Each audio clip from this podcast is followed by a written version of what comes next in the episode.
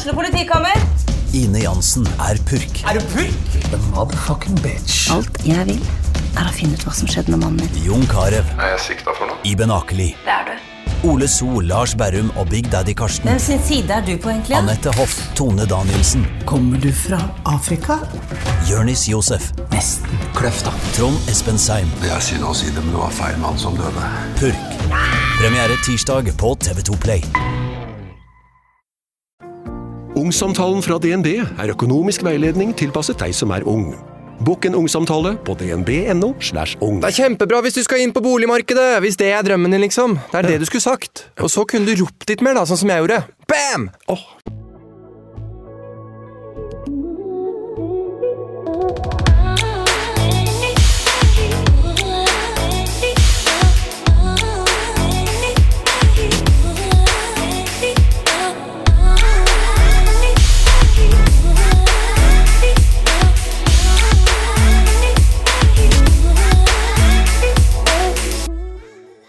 I dag skal vi snakke om noe vi egentlig ikke prater om, og som jeg tror kan være litt følsomt for noen av oss. Og det er flere enn vi tror som har opplevd det vi skal snakke om i dag, nemlig svangerskapsdepresjon. Og Therese, eller mor Therese for de som kjenner henne som det, er dagens gjest. Og hun skal fortelle om hennes egen opplevelse med svangerskapsdepresjon. Og jeg vil bare si at eh, du som kan kjenne deg igjen, du er ikke alene. Og jeg er veldig veldig glad for at Therese vil snakke om dette her, sånn at vi andre vi kan lære. Og hva skal jeg si? At vi kan huske at eh, vi aldri er alene og må ha det sånn som vi har det.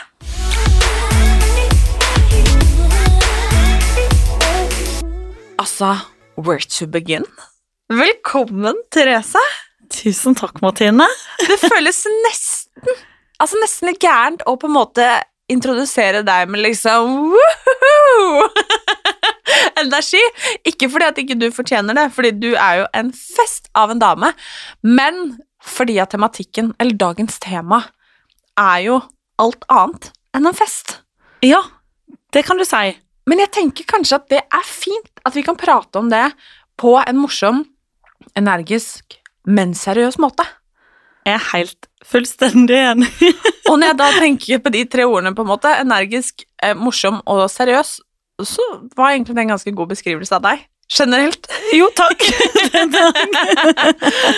Fordi du er eh, Du er komiker Mm. og Sivi-influenser. Det kommer vel an på dagen, er det ikke det man sier? Jeg er faktisk heltid-influenser, sier jeg. Men jeg skulle ønske at jeg kunne si sånn annenhver dag. Nei, i dag er jeg influenser. Nei, i dag er jeg ikke så mye influenser. Ja, du er det 100 ønske. at Ja. Jeg sånn ja, jeg påvirker sikkert til en viss grad, men, eh, men ja, eh, sikkert en kombinasjon, kanskje. Ja. For eh, hva skal jeg si, arbeidstittelen din, den er eh, Mor Therese. Ja, riktig. Det er veldig gøy. Det har blitt det, at folk kjenner meg nesten mer som mor Therese enn Therese nå. Eh, Men det er jo egentlig basert på at jeg hadde, hadde et, eller har et show som heter Mor Therese, og så har jeg det som Instagram-navn, og da har jeg blitt hele Norges mor Therese på et vis. Men det er jo ikke det verste, det. Nei, altså nå tok jeg litt hardt i hele Norge, så det er sikkert mange som ikke kjenner til meg. Så det. Nå gjør de det.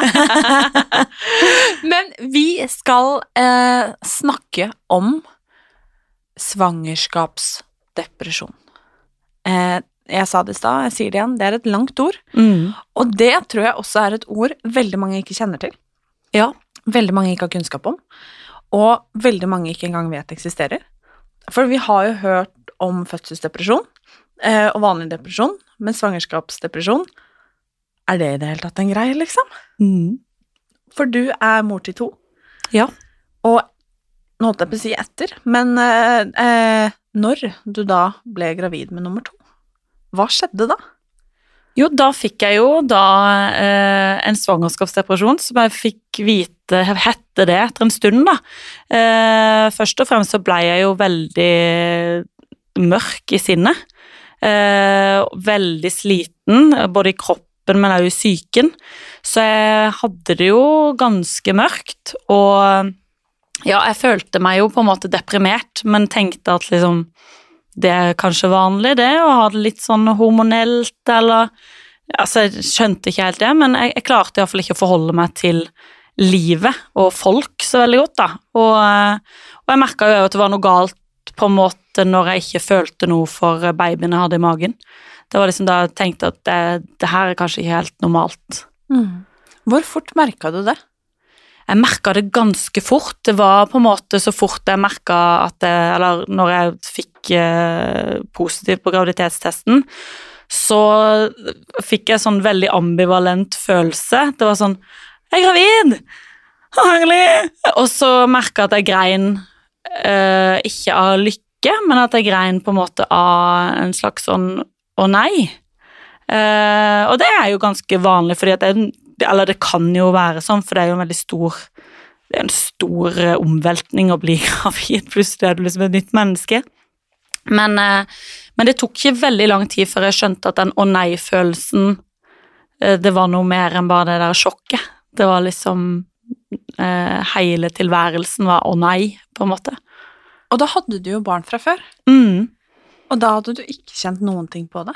Nei, så det, så det var jo noe med det at jeg har jo hatt et helt normalt svangerskap en gang tidligere hvor jeg gleda seg og tok bilder av magen ikke sant, og alt dette her, og så plutselig så bare skjulte jeg magen og ville ikke snakke om den. Eh, var på sofaen 24 timer i døgnet, følte jeg. Eh, Blei sykemeldt, klarte ikke å være hun eh, som jeg alltid har vært, denne gledessprederen. Og var Jeg var helt sånn Følte meg som et mørkt hull, rett og slett. Mm. Hvorfor tror du det blei sånn? Altså, det er jo det som er med det, at det er jo rett og slett bare koblinger. Det, det er ikke selvforskyldt i det hele tatt, og jeg var jo i en situasjon hvor jeg hadde en ektemann og et barn fra før og hus og hjem, og alt var på en måte på stell, fast jobb i kommunen som vernepleier, altså alt var jo egentlig perfekt. Så det er ingenting av de der eh, kodene rundt var, var utløsende faktor. Det var, det var nok bare en kobling i hjernen og kroppen som man absolutt ikke har kontroll over, som, som skjedde. Uh, og det er jo det som er på en måte viktig for meg å Det er derfor det er viktig for meg å formidle dette og snakke om svangerskapsdepresjon, for at alle de kvinnene som opplever det, ikke skal føle at det er noe galt med de, eller det er noe de har gjort feil. Men var det da selve tanken som var Eller var det liksom sånn faen, jeg er gravid? Eller var det liksom hele situasjonen rundt? Uh, det var først den der 'å nei, jeg er gravid', og så plutselig så blei livet kjempetungt. Jeg kan huske at liksom eh, ting er jo når du er gravid, du er tung, ikke sant? det er mye som skjer i kroppen, du gror jo et lite menneske, så det er jo ganske kaos på innsida. Men, eh, men det var liksom tida noe mer. Det var det at jeg, jeg på en måte Jeg orka nesten ikke å stå opp av senga. Jeg husker jeg, jeg lå så lenge jeg kunne i senga for at dagen skulle bli kortest mulig. Uh, og jeg la meg så tidlig jeg kunne, sånn at, jeg, at hele tida bare sånn Ok, nå var én dag til gått. Eh, så den der ni månedersperioden ble jo på en måte for meg en nedtelling på å slippe fri, og ikke på å få en baby, for jeg følte jo ingenting for babyen. Uh, og jeg skjønte jo at det er ganske ille når jeg på et tidspunkt uh, husker jeg lå i sofaen og ønska at babyen døde, fordi at jeg trengte å slippe fri fra egen kropp. Mm. Um, og da skjønner du at det er noe som Det er noe mer enn hormoner, da. Det er jo uh, kjempebrutalt. Mm. Uh, og veldig, veldig skamfullt og tabubelagt. Um, jeg tror aldri jeg har hørt noen si det der før. Nei, uh, og jeg sier det veldig direkte i, uh, i standup-showet mitt, som er på en måte der, Hele det her er jo grunnmuren i å snakke om det. Fordi at hadde jeg visst på den når jeg lå i denne sofaen, Eh, hadde jeg visst at det her er grunnen, så hadde det jo vært litt lettere, men, men du føler deg helt alene, og du, som du sier, det er veldig tabubelagt. Du skammer deg så mye, og du møter folk hele tida. Ikke sånn 'Å, jeg hørte du er gravid, så koselig', og hva blir det for noe, er det jente eller gutt, eller og, eh, og, de sosiale settingene ble jo så kvelende at jeg, at jeg begynte å isolere meg hjemme. Eh, for der var det jo ingen som så åssen jeg egentlig hadde det. Hvordan påvirka dette forholdet ditt? Ja, det er jo det som er, er viktig å snakke om. Det er jo det at det er jo ikke bare deg som på en måte lider under noe sånt. Det går jo veldig utover eh, mannen din. Han skal jo bli pappa. ikke sant? Min mann, da, han eh, skulle bli pappa for første gang. Han har jo alltid hatt en drøm om å bli pappa. Han har jo gleda seg hele livet til det øyeblikket. Eh, og jeg gikk jo rundt og bare kjefta på han. Fordi at han, han var jo grunnen til at jeg var gravid, ikke sant. Eh, så jeg slapp jo ikke han til på den måten som han gjerne skulle ønske. Ikke sant? Hver gang han tok meg på magen, så, så kjente jeg at jeg bare Jeg måtte bare liksom holde ut. At ok, bare hold ut. Bare la han holde på den magen i fem minutter, og så, så kan vi slutte å tenke på den magen. Eh, så det var, det var, en stor kamp inni meg, det der å, på en måte la han ta en del av av dette, for han gleda seg, men jeg hata det. Han hadde følelser for babyen, jeg ville at babyen skulle dø, så det er ganske store kontraster. I tillegg til at jeg var jo mamma til en, eh, en datter fra før som jeg skulle på en måte ivaretas, men jeg var jo helt eh, Jeg var helt i en skygge av meg sjøl, så jeg, livet var ganske tungt på den tida, ja. Det er jo det er så rart fordi at eh, vi fant jo ut at det er mellom 7000 og 9000 norske kvinner som rammes av dette her årlig. Og jeg er veldig opptatt av kvinnehelse. Eh, det er liksom en av mine største hjertesaker. Mm, jeg er enig. og ja. og eh, dette har jeg ikke hørt om før, Therese. Mm. Altså sånn på den måten her. Uh, og det sier seg jo selv, selvfølgelig skjer dette her også, men det er da jeg sier også hvor ekstremt tabu dette er. Mm. Og hvor ekstremt alene disse ja, tusenvis av kvinnene er nødt til å føle seg, uh, og har følt seg. Um, og det gjør det jo så utrolig viktig at vi sitter her og prater om det. Mm. For jeg tenker, du hadde Du hadde et barn fra før. Du blir gravid. Du eh, blir kjempedeprimert. Um, hvordan kommuniserte du med helsepersonell og de du hadde oppfølging av underveis? Um, fordi det er jo, ikke sant Nå har jeg aldri vært i den prosessen selv, men det er jo liksom Man ser for seg 'Å, ultralyd', ikke sant 'Å, så koselig, og vil du vite hva dette blir', og bla, bla, bla, liksom. Mm. Hvordan var alle de tingene der? For én ting er jo på en måte den hverdagslige hjemme med mann som gleder seg, du gleder deg ikke, men, men det rent praktiske da, rundt det å faktisk skulle få et barn til. Mm.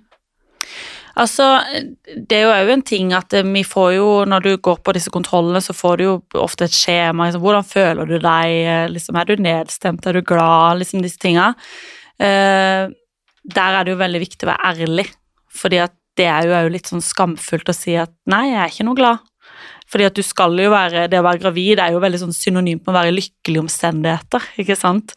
Alle er så lykkelige, alle skal bli onkler og tanter og besteforeldre, bla, bla, bla. og så skal du komme på helsestasjonen og skrive 'nei, jeg er ikke glad', så blir jo det sånn det blir feil, ikke sant. Så veldig mange krysser jo av på de skjemaene og sier at nei, alt er supert. Så det var det første jeg tenkte at ok, jeg må bare begynne å si det sånn smått, sånn som det er. Selv om jeg syns det var kjempevanskelig. Um, og da, uh, når det kom disse kontrollene, da, uh, hvor du skal måle ikke sant, hvor lang er babyen nå, og alt bra og sånn, så, så had, var jo jeg såpass ærlig at jeg gikk til legen og sa at jeg klarer ikke å være i jobb, for jeg klarer ikke å forholde meg til mennesker. Eh, og hun skjønte det, at dette her er det du sliter med. Og da ble det sånn at jeg slapp å gå på helsestasjonen og ha kontrollene, men jeg gikk til legen i stedet. Og da var det bare sånn Vi bare gjør akkurat det vi må, ingenting mer. Vi trenger ikke snakke om babyen, vi trenger ikke å forholde oss til noen ting. Vi bare måler, sjekker at babyen lever, rett og slett. Og så, og så kan vi snakke om åssen du har det, Therese. Så det, det var veldig sånn eh, interessant å se at det faktisk Jeg tenkte jo at du må gå på helsestasjonen, ikke sant, for det er jo det vi tenker. Men det går faktisk an å gå til legen, som har litt mer fokus på kanskje deg enn eh, selve babyen, da. Mm. Hvordan eh, Eller tenkte du noen gang at eh, du ikke hadde lyst til å gjennomføre det svangerskapet? Med tanke på de brutale tankene du hadde, da. Jeg håpte jo at jeg skulle ha en spontanabort. Det var jo det jeg gikk og lengta etter, på en måte. Eh, jeg visste jo at jeg kan ikke ta abort, på en måte, fordi at jeg skjønner jo at det er noe galt her. Jeg skjønner at dette er ikke meg. Eh, og jeg skjønner at eh, min mann skal bli pappa, eh, og dattera mi skal bli storesøster. Eh, jeg kan ikke ta sånne valg basert på eh, noe som ikke er meg. For jeg, jeg skjønte Jeg er jo utdanna vernepleier, så jeg skjønte jo at det her er det er noen depresjonsgreier, ikke sant, men jeg hadde ikke fått det der begrepet på det ennå. Uh, og da Men jeg, jeg kunne ikke ta valget sjøl, men jeg håpte at eh, universet bare skulle fikse det sjøl, på en måte. Eh, for jeg var Det var så vanskelig når du på en måte Du lever av å få andre til å le. Du lever av å spre glede. Du elsker latter og glede som komiker og så plutselig er det så mørkt at du Det var jo på et tidspunkt jeg kjente sånn at dette her er et liv, eh, fordi at det, dette er ikke meg. Så, um, så ja, jeg, jeg, tenkte nok det noen ganger, ja, at, uh, at det bare la meg slippe fri. Hvordan i alle dager forberedte du deg da på en uh, fødsel? Ja, det kan du si. Eh, det er jo eh, Jeg er så veldig glad du spør om det, fordi at eh, eh, Å føde er jo kjempevondt. Det er jo ingen tvil om det, har du sett på TV. Det har jeg sett på TV. og det, det som på en måte Vi, vi kvinner er jo født altså Vi er skapt til å føde barn, men når du på en måte ikke har noen motivasjon for å komme gjennom de smertene, så Fordi at jeg så jo ikke belønninga på andre sida. Jeg så jo ikke det at bare bank igjennom, for du får en baby. Yes, det klarte du.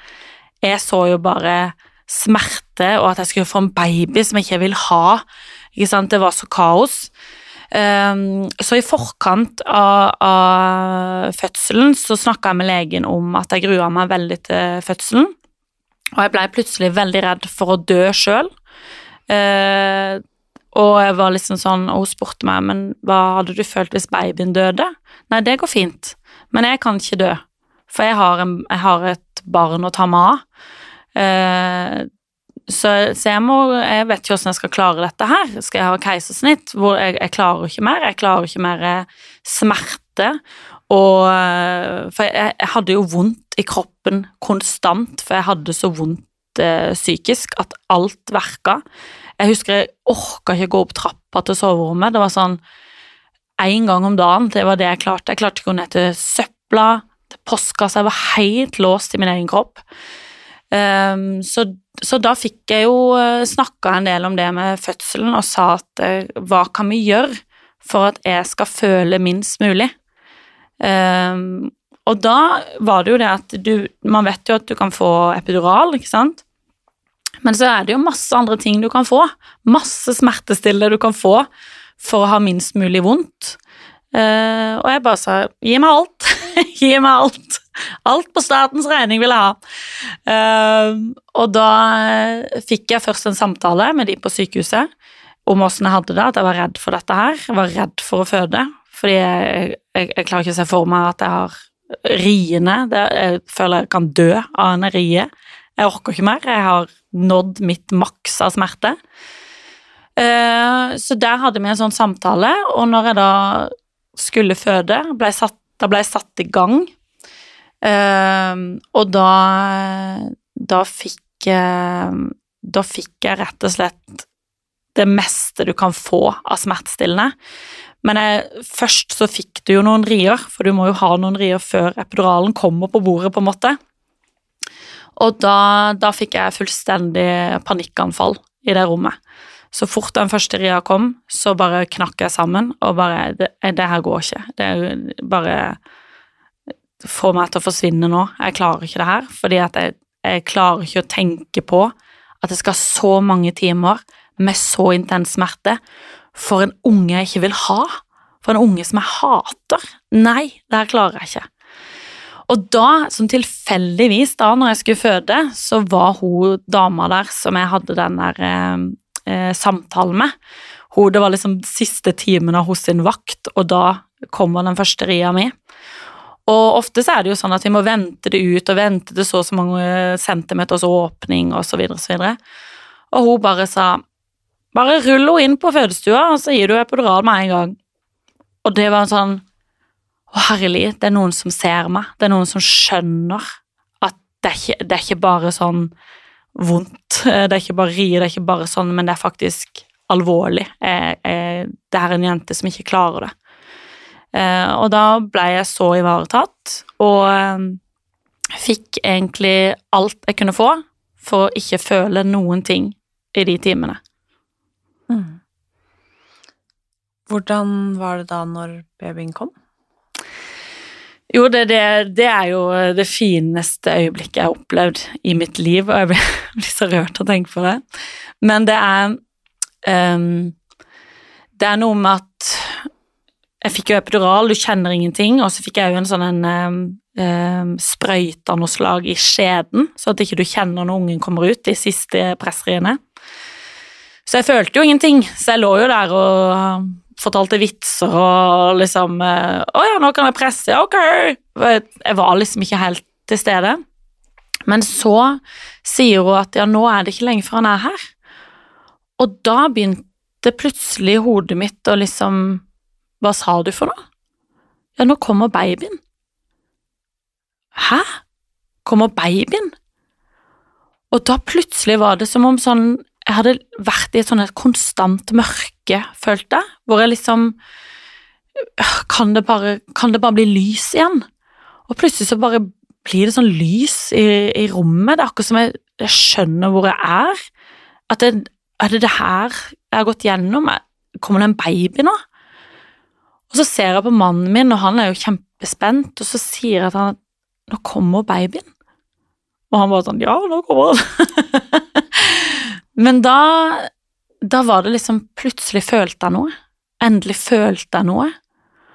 Og det, det er det sterkeste jeg har opplevd i hele mitt liv, fordi at det, det, var så ekstrem kontrast, og da var det bare noen minutter før han var ute av kroppen min, så det var akkurat som kroppen begynte å slippe, ikke sant, begynte å slippe denne depresjonen, for den var jo knytta opp mot babyen.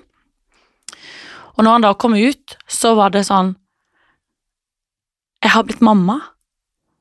Og da skjønte jeg det. Og jeg hadde ikke skjønt det i ni måneder. Jeg hadde ikke forstått det, jeg hadde ingen glede.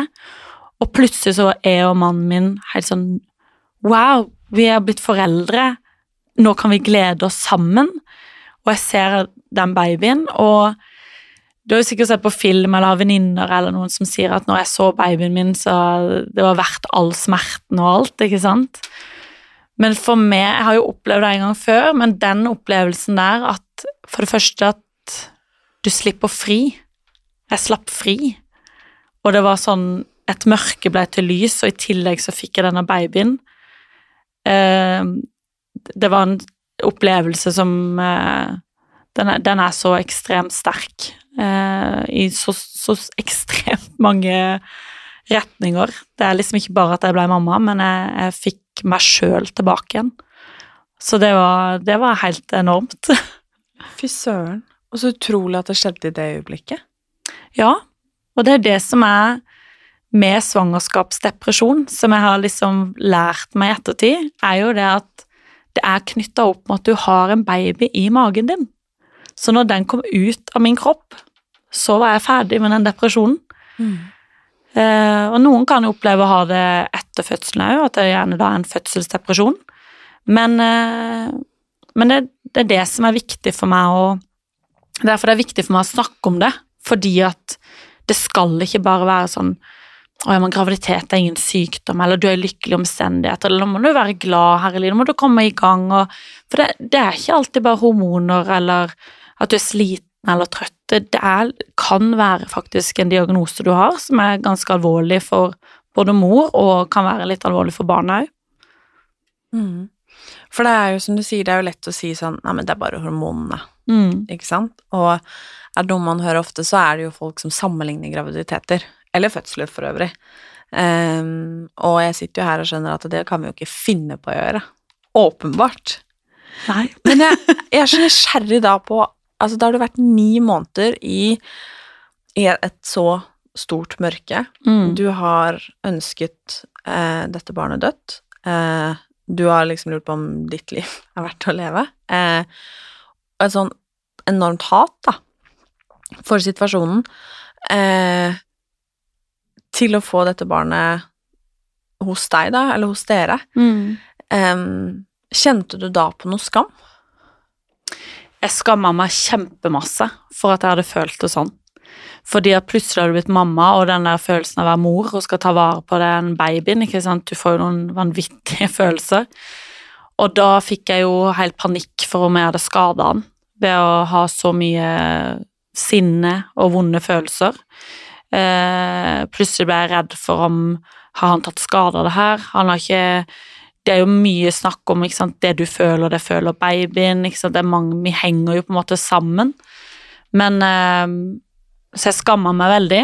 Men eh, mannen min er jo verdens fineste, og han Noen ganger er det litt deilig å snakke med menn, for de har ikke så mye følelser. De er bare sånn svart-hvitt, liksom. Han bare sånn Nei, men dette er jo ikke din skyld. Du hadde jo en depresjon. Sånn er det. Ok, ja, men da Da var det sånn, da. Da er det sånn. Veldig greit. Nydelig. Men det, men det er mange som det er mange som skammer seg. Vi har jo dårlig samvittighet 24 timer i døgnet når vi blir eh, mødre omtrent. Så når du da føler at altså du har sittet og tenkt at jeg håper han dør i magen min, så er det jo ganske mye dårlig samvittighet en stund, ja. Men, eh, men det er ikke Det er ikke min skyld. Det er ikke den gravides skyld at de føler sånn. Og det er jo vanvittig omveltning for kroppen og bare det å være gravid. Så, eh, så ja. Men nå eh, har du jo på en måte Du har ikke på én måte Du har to barn.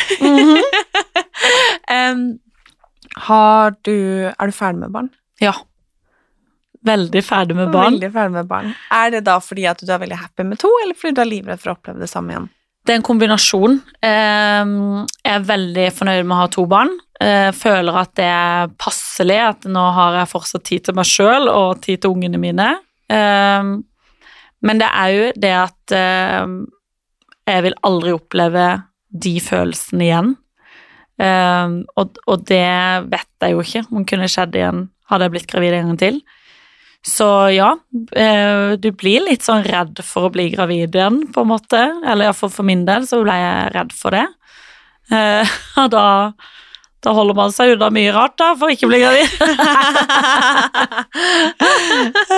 Ja, det er i hvert fall én ting det er lurt å holde seg unna. Ja. Kan si jeg var sikker på at det var ikke seks, seks uker etter fødselen her. for å si det Sånn. Nei. Eh, men um, dette er jo en veldig tung og alvorlig tematikk, og det er klart at uh, man snakker jo om, om barnet ditt her, på en måte. Har tanken slått deg at uh, det kan være vondt å høre at man ikke har vært ønska? Den eh, tanken har aldri slått meg, faktisk. Nei. Eh, for, eh, for, han, for min sønn sin skyld, tenker du? Ja. Den har det har jeg aldri tenkt på, fordi at jeg har vist med hele min kropp og hele mitt Ja, hele meg at han er så ønska. Når han kom ut, så holdt jeg rundt han hele tida. Jeg ville aldri slippe han. Eh, vi, vi liksom bare la vekk alt av telefon og internett og besøk. Vi bare stengte oss inne. Fordi at jeg bare Jeg hadde jo ikke følt på noen ting av gleden i de ni månedene. Så da var jeg bare sånn Nå, nå er vi her, og nå skal jeg være til stede. Og jeg skal vise denne gutten at han er så elska. Eh, og så er det jo viktig for meg at jeg har eh, to barn, en datter og en eh, sønn, og det er viktig for meg at eh, de kan vokse opp og òg lære at eh, en dag så blir kanskje de foreldre, da. At eh, det er det er ikke noe med han, det er ikke noe med mamma, det var bare ting oppi hjernen og kroppen som slo litt feil vei. Og, og depresjon er jo så likt Altså, én av fem opplever depresjoner i løpet av livet. Og det, det er på en måte om du er deprimert pga. jobb eller økonomi eller svangerskap eller whatever, så er jo depresjonsbildet så likt. Du, du er liksom deprimert, og du har det vondt, og du har det tungt, og alt er veldig slitsomt. Så, så det er den der heller bare vise at, eh, at det er viktig å kunne snakke høyt om at du ikke har det bra, og at eh, da får du òg svar på at du er ikke aleine. Så, så jeg har tenkt mye mer på det enn at han ikke skal føle seg ønska, fordi han er så høyt elska at det gjør jo vondt det gjør. Det syns jeg var veldig, veldig fint svart. Um, og det er jo noe som er veldig viktig, det der å prate, fordi det tenker jeg ofte på at det at vi sitter her og prater om dette, det gjør det jo forhåpentligvis litt enklere for noen som kanskje har det sånn akkurat nå, noen som er pårørende til noen som har det sånn, som kommer til å få det sånn, eller whatsoever. At det er på en måte Man snakker for de, de som kommer etter. Og igjen, da, når det er så mye tabu rundt, rundt denne tematikken, eksempel, så gjør det jo at de som opplever det, føler seg så sinnssykt alene. Og så er det litt sånn Herregud, kan vi ikke heller prate om det, da? Og ikke at man eh, altså skal gå rundt og liksom normalisere ting som er vondt og, og vanskelig, på en måte, men, men allikevel så, så må vi gjøre det til en viss grad, fordi at det, det å føle seg aleine er den verste følelsen i verden. Mm.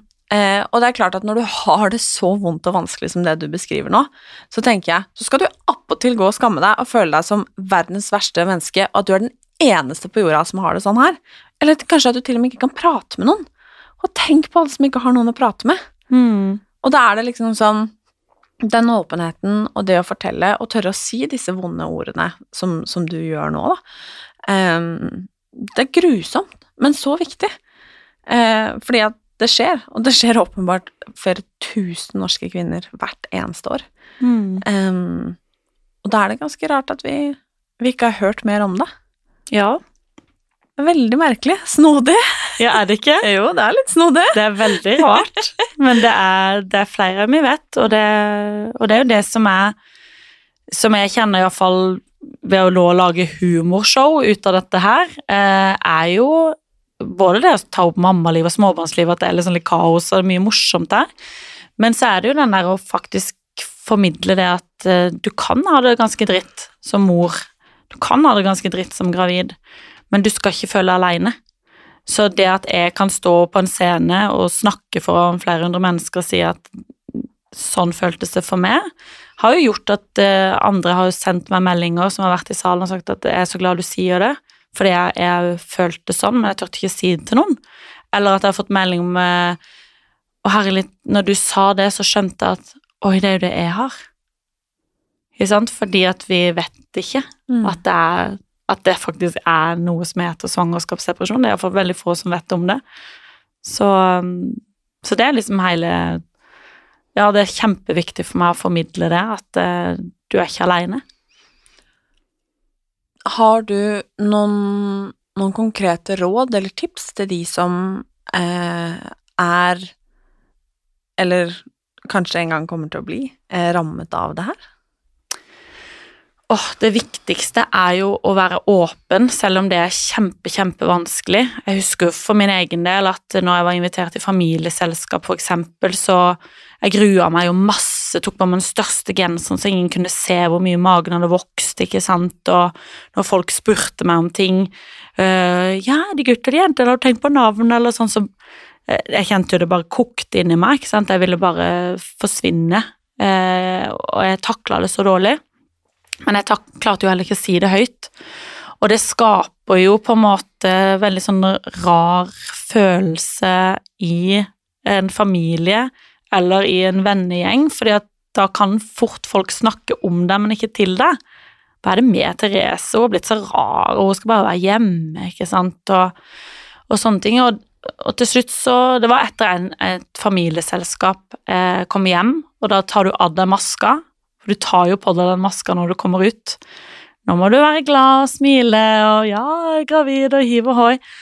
Og så kommer du hjem, og maska detter av, og du bare knekker sammen. Og jeg lå, jeg husker jeg la meg i badekaret, og jeg grein, og jeg grein meg helt sånn Jeg var helt sånn ødelagt innvendig. Og da tørte jeg endelig å sende en melding og si at og det var til nærmeste familie, fordi at det skapte så stor sånn um, liksom Trond, min mann, ble jo veldig sånn satt i en situasjon hvor han sto litt mellom barken og veden, ikke sant, for han hadde jo lyst til å svare på alle spørsmåla, men han visste jo åssen jeg hadde det. Og da sa jeg det som det var at jeg sliter veldig, jeg har det kjempevanskelig, og jeg føler ingenting. Men jeg vet at, eh, at eh, mannen min gleder seg veldig, og han trenger å ha noen å glede seg sammen med. Så kan dere være så snill å snakke med han.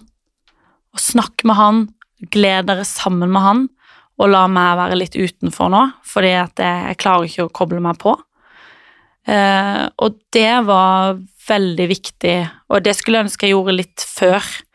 Så det å kunne si det til de rundt, sånn at du slipper å stå i dette Du føler en sånn angrepsmodus, ikke sant, forsvar-angrep, så slipper du kanskje det, og så kan folk heller ta med hensyn.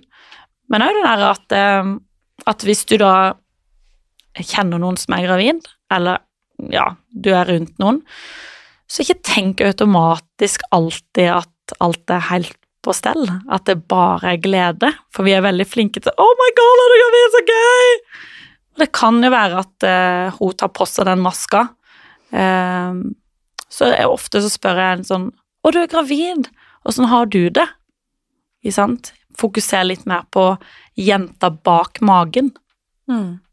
Ja, for det var mitt neste spørsmål, hvordan vi på en måte som pårørende, da eh, Fordi at eh, altså en graviditet, det er jo et mirakel, ikke sant. Barn er et mirakel, mm. altså. Det kan vi jo alle være enige om, men eh, litt som du sier, da, at ting kan skje. Ting kan være, kan være skikkelig vondt og vanskelig, selv om det skal være det beste, ikke sant, som mm. fins, ikke sant. Og jeg har tenkt mye på det i det siste. Um, dette med eh, hvordan vi kommuniserer rundt eh, graviditet, for eksempel. Fordi at eh, Eller jeg har liksom sett sånn Hvis det for eksempel La oss ta en influenser som er gravid, og så får spørsmål Ja, hvor lang tid brukte dere på å bli gravide? Nei, vi brukte bare tre måneder, så vi var kjempeheldige. At man skal liksom pakke inn hele tiden og sympatisere fordi at noen bruker fuckings tre år, mm. ikke sant? Og at man hele tiden 'Å, nei, det Altså, skjønner du mm. hvor jeg vil?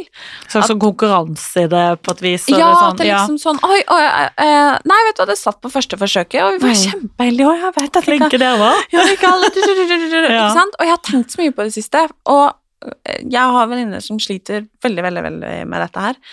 Eh, og kjempestor respekt og forståelse for eh, Altså, det er jo kjempeurettferdig da at noen går og blir gravide etter one night stand, på en måte. Mm. Men um, litt med hvordan vi kommuniserer. Um, hva er det du hadde satt pris på å bli møtt med når, når du hadde det som verst, da, og sto i din graviditet? Det er et godt spørsmål. Um det er jo veldig vanskelig å la folk slippe inn når ikke du åpner opp, for det første. Men eh, jeg skulle nok ønske at eh, det var mer fokus på meg, og ikke så mye fokus på magen. Eh, fordi at uansett Altså, uansett hvor mye man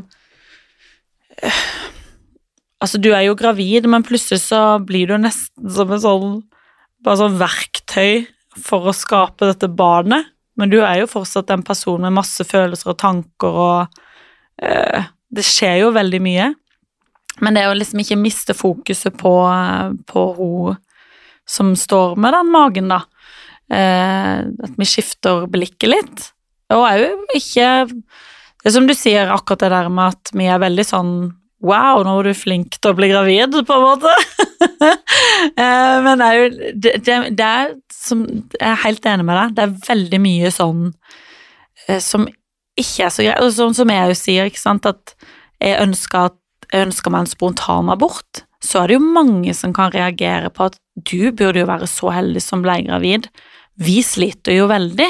Jeg har jo hatt en spontanabort, mm. og det er klart min umiddelbare reaksjon er bare sånn Nei, nei, nei. nei. Mm. Det hadde du ikke lyst på. Nei, ikke sant? Eh, samtidig som at jeg må evne å forstå at vi vi er i forskjellige situasjoner, vi har um, Og det, det, er faktisk sånn det er, ikke sant? Mm. Og jeg reagerte jo med å bli kjenner på veldig mye depressive følelser etter denne spontanaborten igjen, Mm. ikke sant?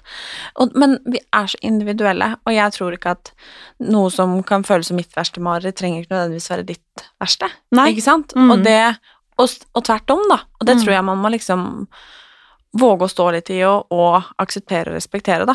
Mm. På lik linje som at noen har lyst på barn, andre har ikke lyst på barn. Og det Ja. er faktisk helt greit. Ja, for det er noe med det samfunnets normer at du skal uh, være kvinne, du skal få barn, og du skal gifte deg, og du skal dit, og du skal være lykkelig fordi at du er gravid, du skal være lykkelig fordi du har fått barn. Det er liksom en sånn pakke der som kanskje bør endres litt på, da. At uh, ja, man er veldig heldig som kan få barn, men det kan òg være veldig mye følelser knytta opp mot det, både på godt og vondt.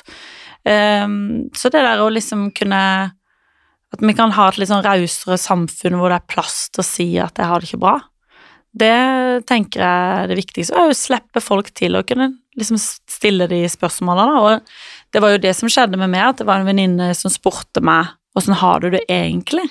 For hun, hun så jo at jeg hadde forandra meg. Ehm, og hun tørte å stille det spørsmålet, og da tørte jo jeg å svare. Og da sa jeg nei, jeg har det ikke noe bra. Jeg føler ingenting for babyen jeg har i magen. Og da sa hun at ja, men sånn hadde jeg det òg da jeg var gravid. Og da åpna hun seg til meg og sa at hun hadde en svangerskapsdepresjon. Hun hadde aldri snakka med noen andre enn legen sin om det. Og den legen hadde òg svangerskapsdepresjon, så hun forsto sin pasient, ikke sant. Men synonymt med dette her er jo at ingen sa noe. Ikke sant? Ingen sier noe.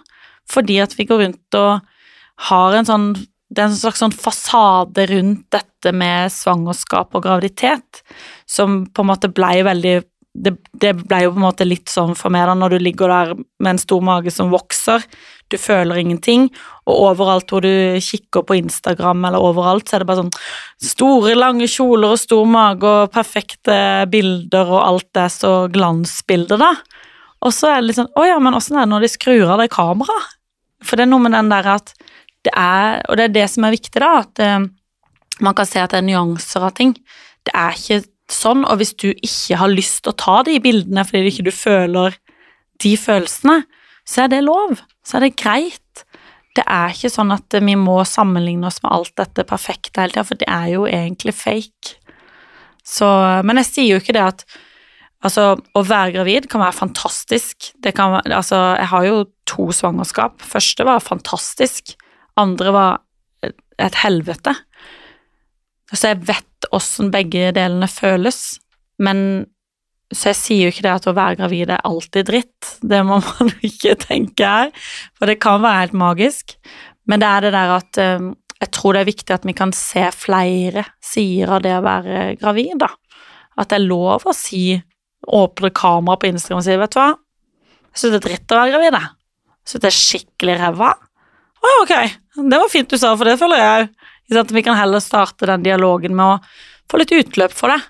Og ikke bare sitte der og smile på kamera, og så grine når du skrur av kameraet, på en måte. Enig med deg. jeg er så glad for at du hadde lyst til å komme hit og være så ærlig med oss. Åh, jeg er så glad for at jeg kunne komme, at vi kan snakke om dette her. Det er en, eh, en fryd, og jeg er så glad for det, eh, for det er så viktig.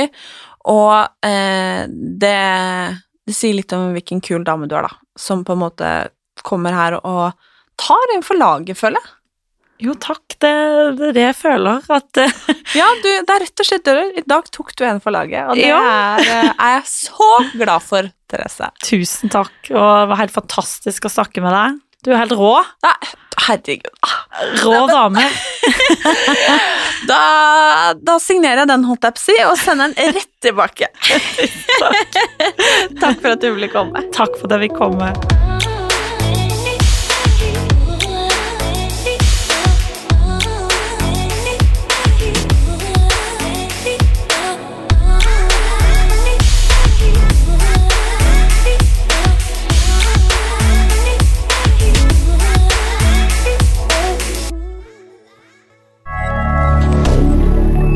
er